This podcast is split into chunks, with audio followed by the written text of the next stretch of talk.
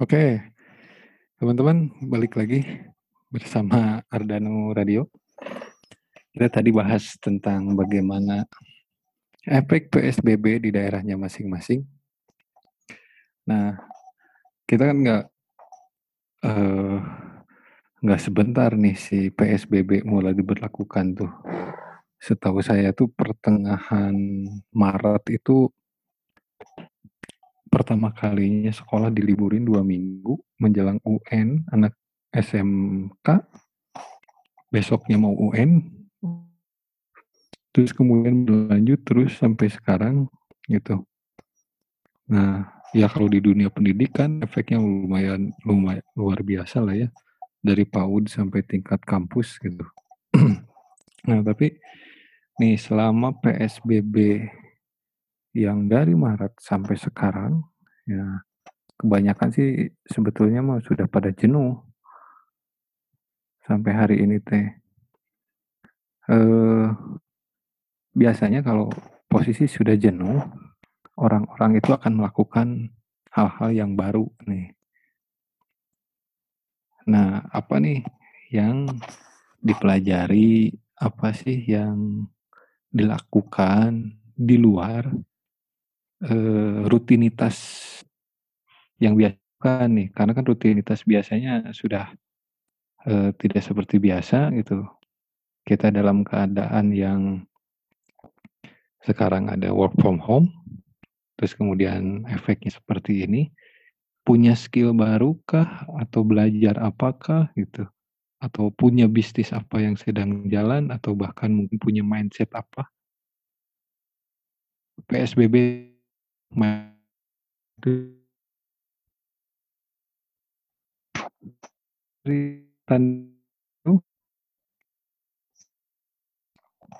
Oke, kalau kalau dari saya mungkin masalah pendidikan kali ya. Nggak suaranya nih? Hmm, jelas jelas Nah, nah masalah- kebetulan ntar dulu Pak Tantan ini kan eh, ini beliau ini kan di sekolah swasta ya sebagai guru gitu. Sebagai guru kebetulan founding fathernya sebuah salah satu sekolah swasta di Kota Bandung Udah dipecat, Pak. gitu. Udah bisa. Sok gimana gimana Pak Tantan? Jadi gini mungkin eh sebenarnya ada ada pemikiran mungkin yang agak eh, apa ya, radikal atau gimana ya bahasanya.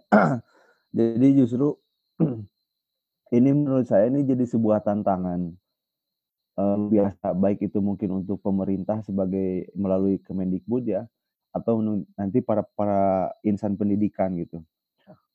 Jadi yang ada di benak saya justru keadaan seperti ini Eh, ini ini saya di kampung nih ya nih ceritanya nih saya ceritain sedikit lah ya masalah pendidikan.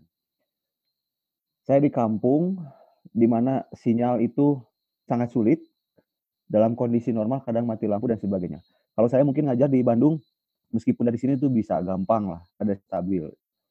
Tapi di waktu yang bersamaan kebetulan adik saya juga guru di salah satu sekolah yang lumayan di pelosok lah. Dari sini tuh lumayan di sana tuh masih banyak bagong di sana tuh.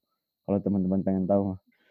Asli, Saya ya, kemarin berku-. Heeh, sampai sebelum kemarin puasa itu saya nyobain ke sana. Kebetulan eh, adiknya eh, temannya adik saya itu teman saya juga saya ma- mampir ke sana. Jalannya tuh luar biasa edan lah. Asli itu jalannya wah ekstrim pisan.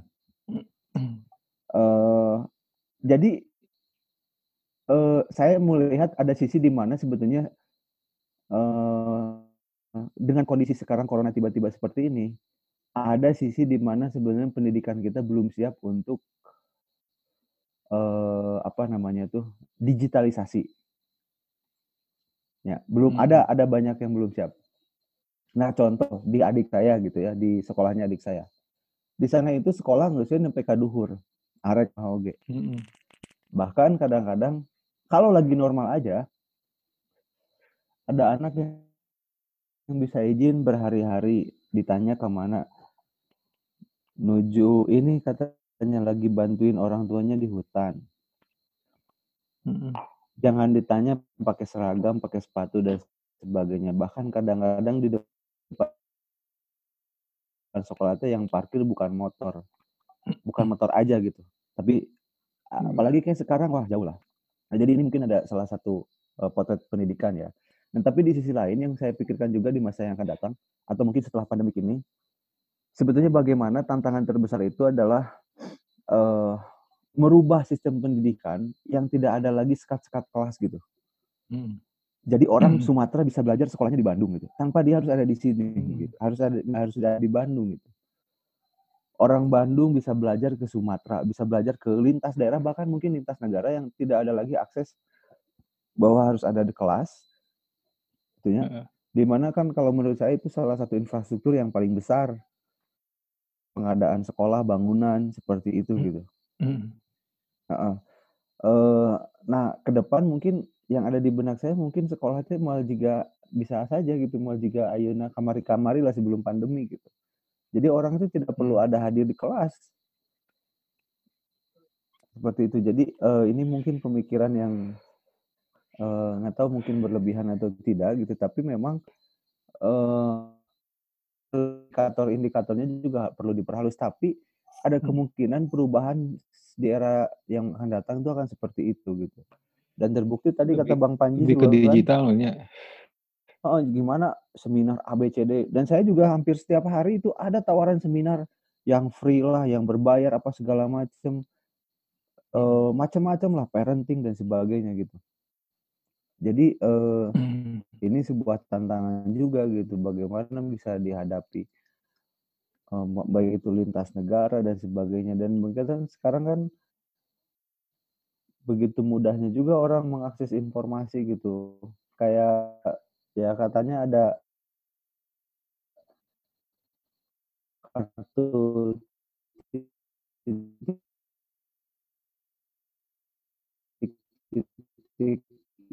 itu ya tanya kemarin di CPR 5.000.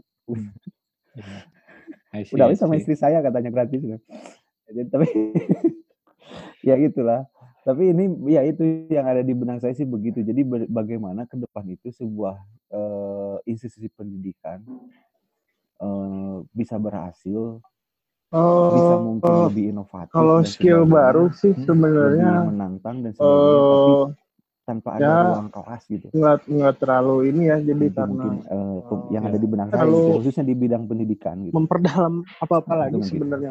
Sekarang-sekarang ini cuman Nah, selama aja ini Pak yang PSBB harus dilakukan, diberlakukan tapi mungkin jadi nambah skill lebih baru nggak apa sih? ya, kalau skill baru enggak, tapi mungkin Kalau memperdalam Atau ada memperdalam bisnis yang lagi yang dilakukan sudah gitu?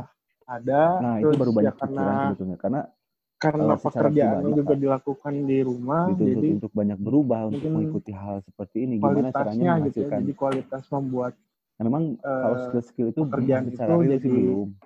lebih meningkat mungkin karena gitu waktunya baru juga lebih gitu. panjang gitu, terus bisa dikerjakan dengan, Ya. eee, Ya masa ya masalah yang, bukan dengan santai, tapi ya proyek-proyek yang dengan kartu dengan itu nantilah agak pembahasannya ya. agak, Yang yang lah jelas gitu ya dibanding di di masa-masa lembaga kemarin yang harus pendidikan tadi itu non tadi formal itu tadi jadi kan ada yang namanya LKP. diselesaikan hanya Nah, ternyata deadline setahu atau, saya itu tidak eee, dilibatkan. tidak se Padahal sudah jelas itu teh sesempurna yang udahnya gitu. mungkin sekarang Tapi. Ya sudahlah saya itu kan nanti dari bahasan. dari apa, dari seni rupa dan desain ya, jadi ada beberapa pekerjaan-pekerjaan yang memang sifatnya karya gitu. Jadi mungkin itu yang lebih? Lebih kalau Ya selama lebih PSBB ini, selama lockdown, enggak, tapi mungkin apa nih, memper eee, hal lebih baru yang dilakuin, lebih dalam terus punya pemikiran skill tambahan kah? si Ataukah pekerjaan ada bisnis lebih yang sedang mendalam berkembang gitu. kah? Itu aja. Iya, karena kan waktunya juga panjang ya. Jadi mikirin we gitu, nggak ada distraction ya, maksudnya distraksi atau gangguan-gangguan kecil Mhm. juga mungkin, eee, lebih, eee, berkurang lah kalau yang sekarang-sekarang gitu. Cuman mungkin yang paling yang paling, eee, berbeda mungkin ya, jadi, mmm, sudut pandang ya gitu. Jadi Mhm. kalau kalau kalau dibilang apa sih yang baru dari kondisi PSBB ini, bisnis ya nggak ada yang sesuatu yang yang baru, tetap melakukan pekerjaan-pekerjaan yang biasa, eee, cari apa, cari ide-ide baru aja gitu tapi dalam pekerjaan yang sama gitu. Kalau melakukan sesuatu yang baru enggak. Cuman yang kalau dibilang sesuatu yang baru itu mungkin cara pandang ya cara pandang terhadap sesuatu Hmm. gitu. Jadi eh, kayak sebenarnya ini untuk beberapa hal gitu kondisi kondisi pan- kondisi pandemik ini untuk beberapa hal untuk Hmm. beberapa bidang keilmuan itu Iya. menjadi satu peluang sebenarnya Nah, terutama di wilayah kultural ya budaya sosial budaya gitu Hmm. karena ya, yang apa, obrolan kemarin juga saya udah pernah eh, bahas bahwa kita teh sedang berada dalam pusaran sejarah dalam pusaran Di sejarah dalam, ya. kita jadi pelaku sejarah Maksudnya makin Eh, lebih kelak ini ya, setelah deep kita selesai ini bisa diceritakan ke di membuat anak cucu sesuatunya. gitu. jadi pelaku Mm-mm. sejarah bahwa kita pernah berada dalam satu masa kondisi eh, yang global semua orang di dunia terkena dampaknya dalam kondisi yang sama-sama menderita ya PBB juga kan pernah eh, mengatakan bahwa ini adalah kondisi terburuk setelah Perang Dunia Kedua gitu jadi ya Mm. Kita ada di sini terus tinggal pilihannya eh, apa yang mau kita perbuat gitu ketika kita berada dalam pusaran sejarah ini kalau nah karena bidang saya di situ ya jadi mungkin cara pandangnya itu jadi mungkin kalau kemarin-kemarin dalam dalam apa ya pemikiran-pemikiran Hmm. para pemikir-pemikir sosial budaya kan sempat ya ada yang bilang bahwa ini kondisi yang stagnan kondisi yang eh, apa, stabil gitu-gitu aja gitu terus Mm. semua orang juga eh, sempat kalau dari masyarakat sosial juga aduh ujung-ujungnya duit semua gitu. Segala macam membahas tentang ekonomi membahas tentang uang kekayaan gitu. Terus macam-macam lah gitu ya. Saking apa ya saking jenuhnya gitu masa-masa kemarin itu. Sampai ketika kita dihantam Hmm. oleh pandemi ini di mana hal itu sekarang nggak lagi tidak lagi eh, apa ya hal yang dulu kita ributkan tidak lagi menjadi hal yang penting juga gitu ya. Ya percuma sekarang punya uang banyak tapi jatuh sakit gitu. Eh, ya memang dan itu kondisi makro ya kalau kondisi mikro kan tetap kita butuh uang untuk hidup Hmm. untuk beli makanan segala macam. Tapi toh satu ada satu pelajaran bahwa hari ini negara yang paling kaya pun di dunia tumbang gitu dengan dengan musuh yang transparan ini gitu. Nah dalam kondisi ini terus apa yang bisa kita eh, lakukan gitu. Dalam hal maksudnya Iya. eh, ini ya jadi kalau tadi eh, Mang Tantan itu bilang perubahan di sektor pendidikan itu kan juga salah satu pemikiran respon terhadap kondisi yang terjadi hari ini. Gitu. Sama mungkin ya jadi apa yang harus kita lakukan eh, bukan cuman untuk diri kita pribadi tapi eh, sumbangan gitu sumbangan kita terhadap terhadap ya entah masyarakat atau dunia gitu Eh, hari ini. Karena memang eh, ya bukan gimana gimana tapi tokoh-tokoh besar yang kita kenal gitu perintis-perintis yang kita kenal itu kan lahir dari eh, gejolak gitu ya dari gejolak. Dari suatu gejolak jadi kayak pepatah apa Hmm. eh, nah nakoda yang tangguh ya itu lahir di eh, kondisi yang badai itu bukan di laut yang tenang gitu. Nah hari ini tuh sebenarnya kita sedang berada di situ. Tinggal kita mau survive atau tidak dan sumbang siapa yang kita mau berikan. Mungkin lagi berpikir ke situ sih. Bukan ke arah yang besar nggak tapi sekedar misalnya eh, apa ya bisa nggak ya kita gitu Iya. memberikan satu catatan sejarah gitu untuk ya minimal keluarga kita di di masa depan atau kita bikin karya sesuatu karya yang memang bisa menggambarkan apa yang terjadi hari ini. Jadi pelajaran. Ya banyak perspektif yang berubah gitu. Sebenarnya kalau kita mau gitu atau kalau kita mau Eh, memikirkan lebih dalam ya banyak perspektif yang bisa kita uh, gunakan bisa kita perdalam lagi. Itu itu aja sih paling.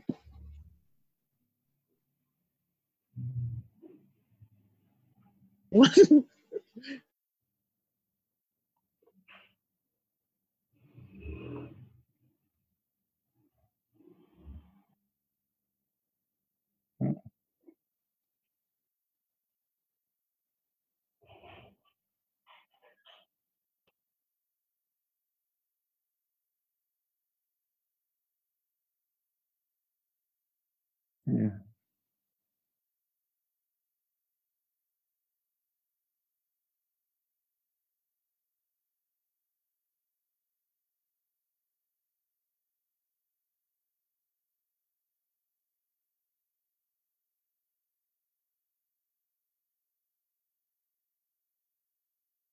Mhm.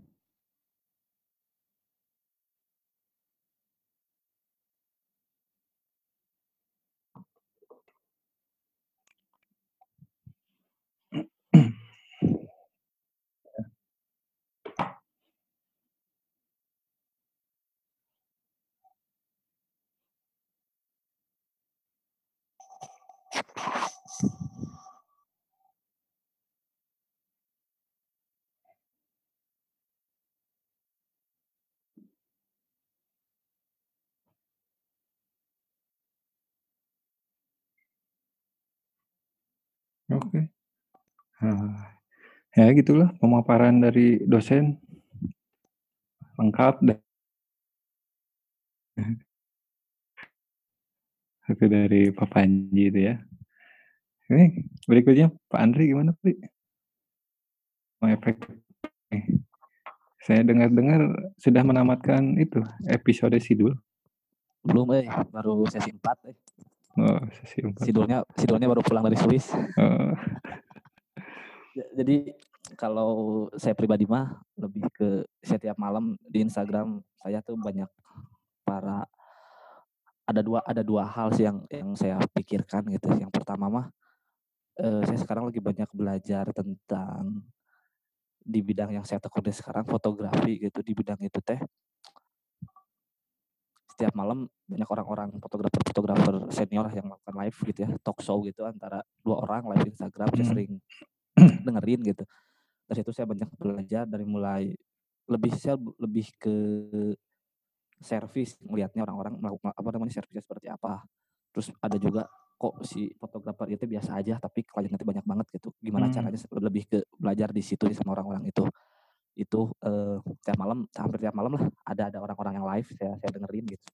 Terus yang keduanya mah saya leb- lebih berpikir untuk ke depannya mah mungkin masa-masa seperti ini teh benar-benar ya saya pribadi tidak ada persiapan untuk menghadapi masa-masa seperti ini ndak yang namanya juga bisa dibilang bencana gitu ya. Jadi untuk ke depannya mungkin saya harus menyiapkan ya takutnya ada hal-hal seperti ini lagi gitu mem- mempersiapkan dari segi finansial mungkin dari segi apa namanya mental gitu bagaimana sebenarnya kan dibilang mulai stres gitu ini kapan beresnya terus apa namanya asa ngelihat di web teh ngeri gitu kalau ngelihat berita corona teh Hmm. gitu jadi ya mungkin harus persiapan persiapan untuk ke depannya mah harus ada persiapan lah gitu maksudnya teh supaya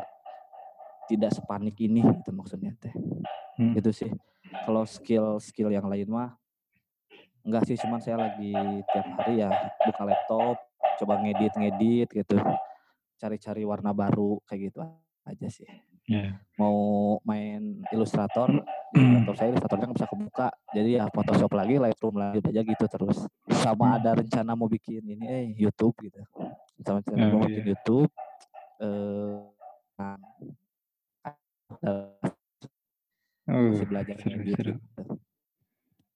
Aja sih ya. kalau Ya. sama mungkinnya kayak kayak Mas Panji memperdalam lagi apa yang memang lagi dikerjakan gitu ya. Memperdalam lagi apa yang dikerjakan sekarang yang ditekuni. Ya mungkin siapa tahu jadi setelah efek dari apa maksudnya PSBB ini juga nanti memberikan kita penambahan skill yang memang eh, nanti lebih efektif dan lebih efisien gitu dalam bidang pekerjaannya Ya masing-masing. kalau itu kan spekulatif ya, Hmm. maksudnya kita juga nggak tahu apa yang terjadi Gitu. nanti Nah setelah ini ini. Pak Ian nggak ada ya? Terus bagaimana Hmm. kondisi masyarakatnya nggak, saya nggak tahu juga. Hmm, Tapi kalau kalau dilihat, kalau baca gejala-gejala yang terjadi yang Nah, sekarang gitu Ini ini kalau kalau menunjukkan suasana kalau kita kita berandai-andai lah ya. ada Kalau menurut dari data perubahan yang apa-apa saya ya dapat nih, untuk ada yang mengatakan kan bahwa masyarakat juga kita lihat eh, levelnya level yang mana dulu Indonesia gitu. akan bebas level-level yang dari eh, wabah pandemi kita ini kita kan gini sekitar di ada yang bilang ya. Agustus, ada yang bilang sampai akhir tahun nanti gitu. Beda-beda gitu. perubahan Tapi tertentu ya udahlah ya, kita nggak tahu seperti apa gitu, yang kapan kan Nah, apa cuman yang kita yang lakukan mau gitu kita angkat Eh, tuh dan eh, ya, keadaan ya masyarakat bisa prediksi termasuk di bidangnya teman-teman apa sendiri gitu. terjadi Akan seperti apa Eh, nih persepsinya atau sebenarnya kan mindsetnya yang nanti akan dirasakan paling gitu penting apa yang harus kita setelah melewati siapin masa aja ini. gitu eh, buat nanti jadi Apa efek yang akan ya kayak main bola ini lagi istirahat eh, ya suasana apa seperti apa nih di nanti tengah babak berikutnya akan gitu terlihat seperti apa mau apa pakai menurut strategi yang sama di babak yang satu atau mau Ayo, berubah gitu siapa dulu? karena Oh, kita Mas Panji dikasih waktu yang siap cukup ya? panjang cukup lama juga untuk postpone untuk berhenti dulu sejenak gitu. Sebenarnya bisa dilakukan sebagai bentuk Hmm, eh, apa, perenungan juga kan. Perenung juga terus refleksi juga apa yang sudah kita lakukan kemarin dan apa yang kita evaluasi hmm, hari ini apa yang kita melakukan ke depan gitu, gitu aja sih sebenarnya maksudnya. Tapi kalau kita sibuk di masa-masa kosong ini dengan sibuk mengisi gitu. Jadi eh, hmm, lebih banyak mungkin mengeluhkan apa yang terjadi sekarang ya di depannya mungkin akan bingung juga menghadapinya. Ya sama sih sebenarnya. Ketika istirahat lagi hmm, main bola gitu kita sibukkan dengan eh, mengeluh tentang wah capek euy. Tadi euy babak satu euy capek euy kurang minumnya ini panitia nggak bener euy ya sa- saling menyalahkan satu sama lain sesama pemain kita nggak akan bisa ngomongin babak hmm, berikutnya gitu. Babak kedua berikut. Tapi kalau kita mau mikirin itu ya eh, ya kalau kita mau menanggapi secara positif ya itu tadi gitu refleksi ke depan. Hmm, atau malah bisa menangkap peluang yang mungkin orang-orang hebat kan akan menangkap, menangkap peluang ya. Maksudnya ketika ternyata selama babak satu hmm, itu atau selama masa-masa kemarin kita berhasil mengevaluasi kemudian menangkap peluang gitu. Melihat peluang dan kita siapin amunisinya dari sekarang. Iya. siap untuk ditembakkan. Masalah berhasil atau enggak kan ya itu mah itu mangkewe gitu. Yang penting kan Hmm, sudah berusaha. Gitu. jadi ya memang susah kalau misalnya memprediksi atau spekulasi apa yang sedang terjadi apa yang akan terjadi nanti.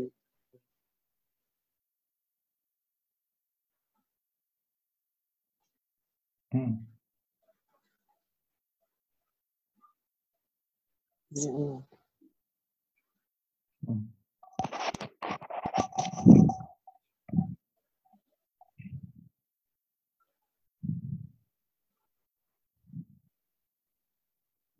hmm, kalau yang sekarang kan sebenarnya cara kayak gini ya kuliah online itu kan udah banyak hmm, kampus sebenarnya. Udah banyak kampus yang pakai eh, udah nggak satu dua gitu. Udah banyak sekali yang pakai. Tapi mungkin tidak dalam skala besar. Jadi paling satu mata kuliah yang dosennya mungkin harus dari luar negeri harus dari luar kota gitu. Mereka sudah pakai ini. Kalau konsep atau sistem e-learning juga sebenarnya hampir semua kampus hmm, yang kita uh, punya berbasis IT ya punya jurusan IT rata-rata pasti udah punya e-learning gitu. jadi se- nah ini kan kalau kalau kita ngomong lagi eh, apa hari gini gimana nih infrastruktur Hmm, infrastruktur kampus hari ini gitu untuk kuliah online? Nah itu kan teruji dari persiapan-persiapan iya. yang kemarin. Apakah kemarin di masa-masa kemarin itu kita sudah pakai e-learningnya dengan oke atau enggak gitu? Kita udah pakai fasilitas online ini atau belum? Kalau sudah berarti hari ini nggak jadi masalah gitu sebenarnya. Hanya tinggal menyesuaikan aja. Tapi kalau memang masih menganggap Relatif lah ya. bahwa Hmm, oh enggak kita memang eh, iya. ah itu nggak penting ya akhirnya hari ini keteteran gitu Hmm, jadi lebih ke situ.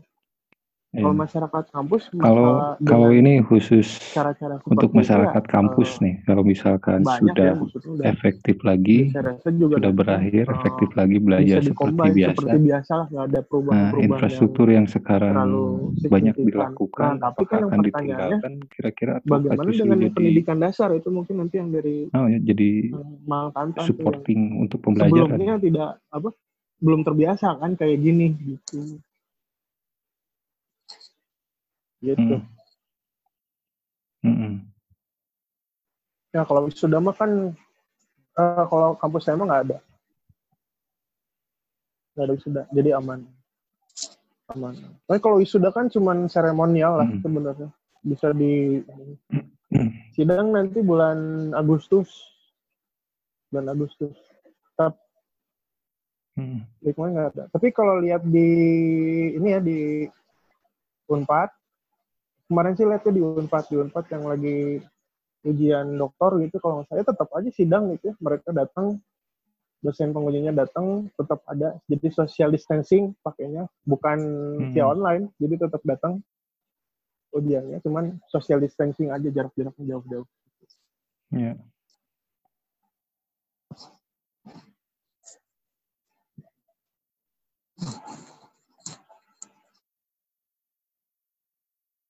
Hmm.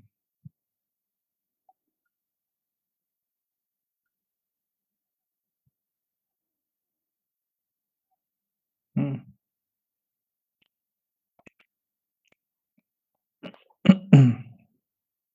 Hmm.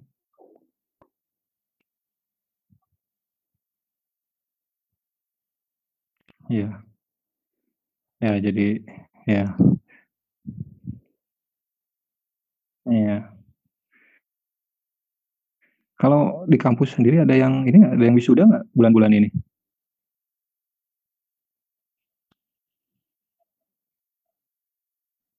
Oh, nggak ada ya. Jadi nggak ada aman ya? Ai si kalau sidang? Mmm, tapi nggak ada berarti dari kemarin? Nggak ada? Mhm. Mhm. Iya. Mhm. Mhm.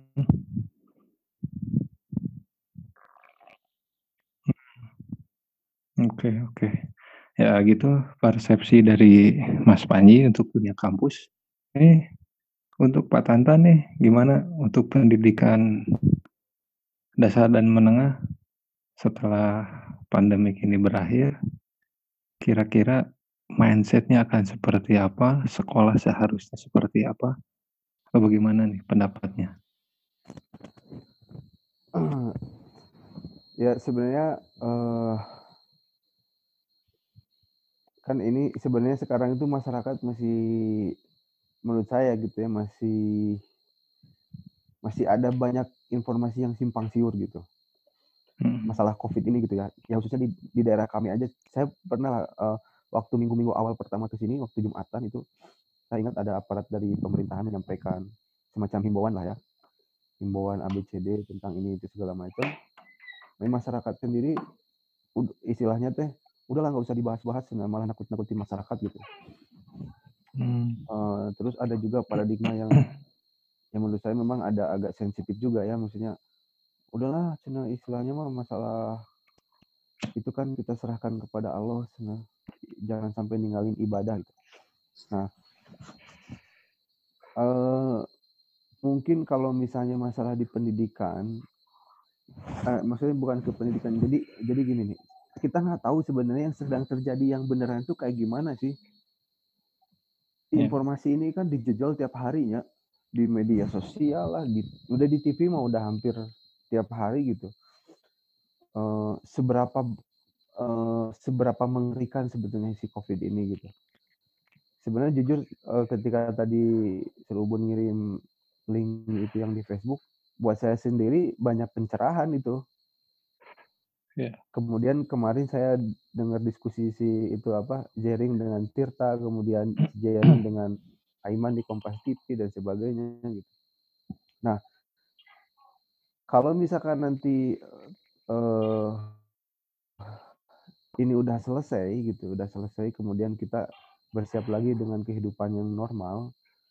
Nah sebenarnya apa yang terjadi saat ini apa yang sedang terjadi saat ini, kemudian nanti dampaknya terhadap dunia atau ekonomi dan sebagainya itu, eee akan akan parah parah banget misalnya si COVID ini sebegitu mengerikan gitu ya. Kemudian nanti kita kembali ke kehidupan normal. Saya yakin bakal ada beberapa eh, kebud apa namanya itu eh, perubahan-perubahan kehidupan di masyarakat gitu. Mungkin nanti entah itu mungkin sekolah akan ada pendidikan tentang self awareness, tentang kesehatan, mungkin tentang eh, langkah-langkah pencegahan atau apa mungkin Hmm. seperti itu. Eh, karena saya setuju tadi eh, ini kita kan sedang ada di fase sejarah gitu, di fase sejarah eh, di mana semua dunia merasakan itu gitu. Dan nggak mungkin si sejarah ini nanti setelah selesai, fasenya selesai maksudnya hanya dilewatkan begitu saja gitu. Mungkin nanti di dunia pendidikan akan ada perubahan kurikulum, mungkin ada sistem pembelajaran, mungkin juga ada film dokumenter tentang ini gitu yang dimasukin nanti ke kurikulum sekolah atau mungkin dibuat kayak eh, film Hollywoodnya mungkin atau seperti apa gitu. Eh, tapi itu memang akan tergantung kalau di di sini ya di masyarakat yang kayak di di eh, apa di daerah saya gitu ya. Alhamdulillah dan amit-amit ya sampai saat ini.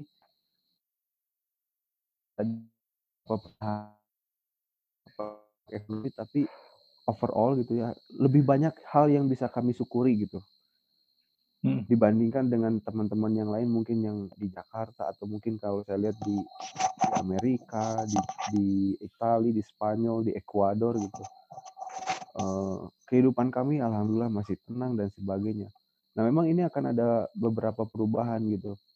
Kalau mungkin seperti masyarakat di kami seperti ini gitu ya sampai akhir nanti ya mudah-mudahan tidak sampai terdampak dan kami tenang-tenang saja mungkin tidak akan terlalu besar juga pengaruhnya setelah setelah pandemik gitu ya. Tapi kalau untuk daerah-daerah atau mungkin keluarga atau mungkin negara-negara yang ekstrim lah ya terdampak ekstrim itu pasti akan ada perubahan yang luar biasa eh di sisi lain sebenarnya eh, ini juga mungkin refleksi refleksi ya buat semua orang baik itu yang terdampak atau yang nggak terdampak eh, bagaimana sebetulnya eh, sisi kemanusiaan kita itu diuji gitu.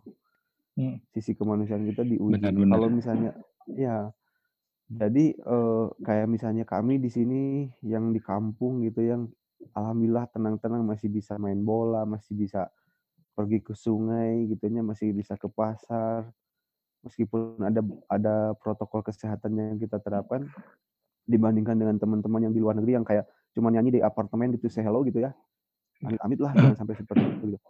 istilahnya eh, tetap isu-isu ini selalu kita bicarakan di pos ronda lah di sela-sela kita ngobrol apa segala macam pada saat buka puasa jadi bahan pembicaraan gitu. Eh, apa namanya itu bahwa sebenarnya masyarakat kita juga eh, istilahnya punya sisi empati yang luar biasa sebenarnya. Meskipun kadang-kadang kita juga nggak bisa bantu kayak bikin APD lah atau misalkan eh, bikin sumbangan dan sebagainya itu tapi memang sebenarnya overall bukan hanya di Indonesia gitu tapi seluruh dunia ini secara kemanusiaan kita juga sedang diuji gitu dan sebetulnya itu Iya. juga menurut saya salah satu pendidikan yang mungkin bukan hanya ke anak-anak yang sedang sekolah punya punya status sebagai pelajar gitu tapi ini pendidikan kepada manusia gitu eh Iya. bagaimana Ya, termasuk orang ya tua baga- yang termasuk siap nggak siap harus jadi guru. Betul, ini juga nah ini juga mungkin nanti bisa diangkat juga nih topik menarik nanti eh, bagaimana sebetulnya bukan hanya gara-gara pandemik tapi mungkin ini jadi momentum. Mungkin nanti di pembicaraan berikutnya eh, mudah-mudahan kita bisa bahas eh, bagaimana rasanya menjadi guru dan menjadi orang tua gitu. Nah, pada dasarnya Mm. di pendidikan sendiri, nah ini mungkin salah satu yang saya yang saya rasakan ya. Saya ngajar ya, kemudian anak saya juga baru TKB. Sebenarnya peluang mendidik itu bukan hanya kita serahkan kepada guru-guru yang ada di sekolah gitu. Nah, Mm. ternyata orang tua itu kalau selama ini mungkin hanya sebagai teori gitu ya bahwa orang tua adalah guru pertama di rumah, eh, guru pertama untuk ABCD segala macam. Ini tuh sekarang kerasa banget gitu. Iya. Jadi eh, ke depan ya mungkin ini akan menjadi refleksi bahwa sebetulnya eh, saya saya anggap mungkin jadi kayak saya ingat pepatah Sunda gitu istilahnya ada ngadidik sa seorang jelema gitu hiji budak butuh jelema sakampung gitu. Nah nanti juga Hmm. mungkin ke depan begitu gitu. Jadi pendidikan itu nggak bisa kita hanya ya udahlah itu tanggung jawab Menyerahkan lah ya. iya itu tanggung jawab orang tua, itu tanggung jawab Hmm. pemerintah gitu. Nggak oh, masalah nanti teknis masalah digitalisasi atau masih dengan konvensional, saya pikir mungkin itu tidak terlalu eh, apa namanya itu eh, bukan poin pentingnya, tapi paling pentingnya itu eh, apa namanya itu nilai nilai si pendidikan itu bagaimana gitu. Hmm. Iya. Bahwa sebenarnya semua orang punya tanggung jawab itu, baik itu Iya. pemerintah, orang tua, ya masyarakat, komunitas dan sebagainya gitu. Iya. Ya, itu sih sebetulnya mungkin pandangan saya Iya. ke depannya Jadi kayak pendi gitu. mungkin. pendidikan mah memang harus semua elemen Bisa mendidik gitu. iya. Nggak Dan bisa menyerahkan satu tangan ke guru kan gitu ya. iya nggak bisa seperti itu. Malah saya ini juga mungkin akan tadi ya masalah culture ya, masalah culture.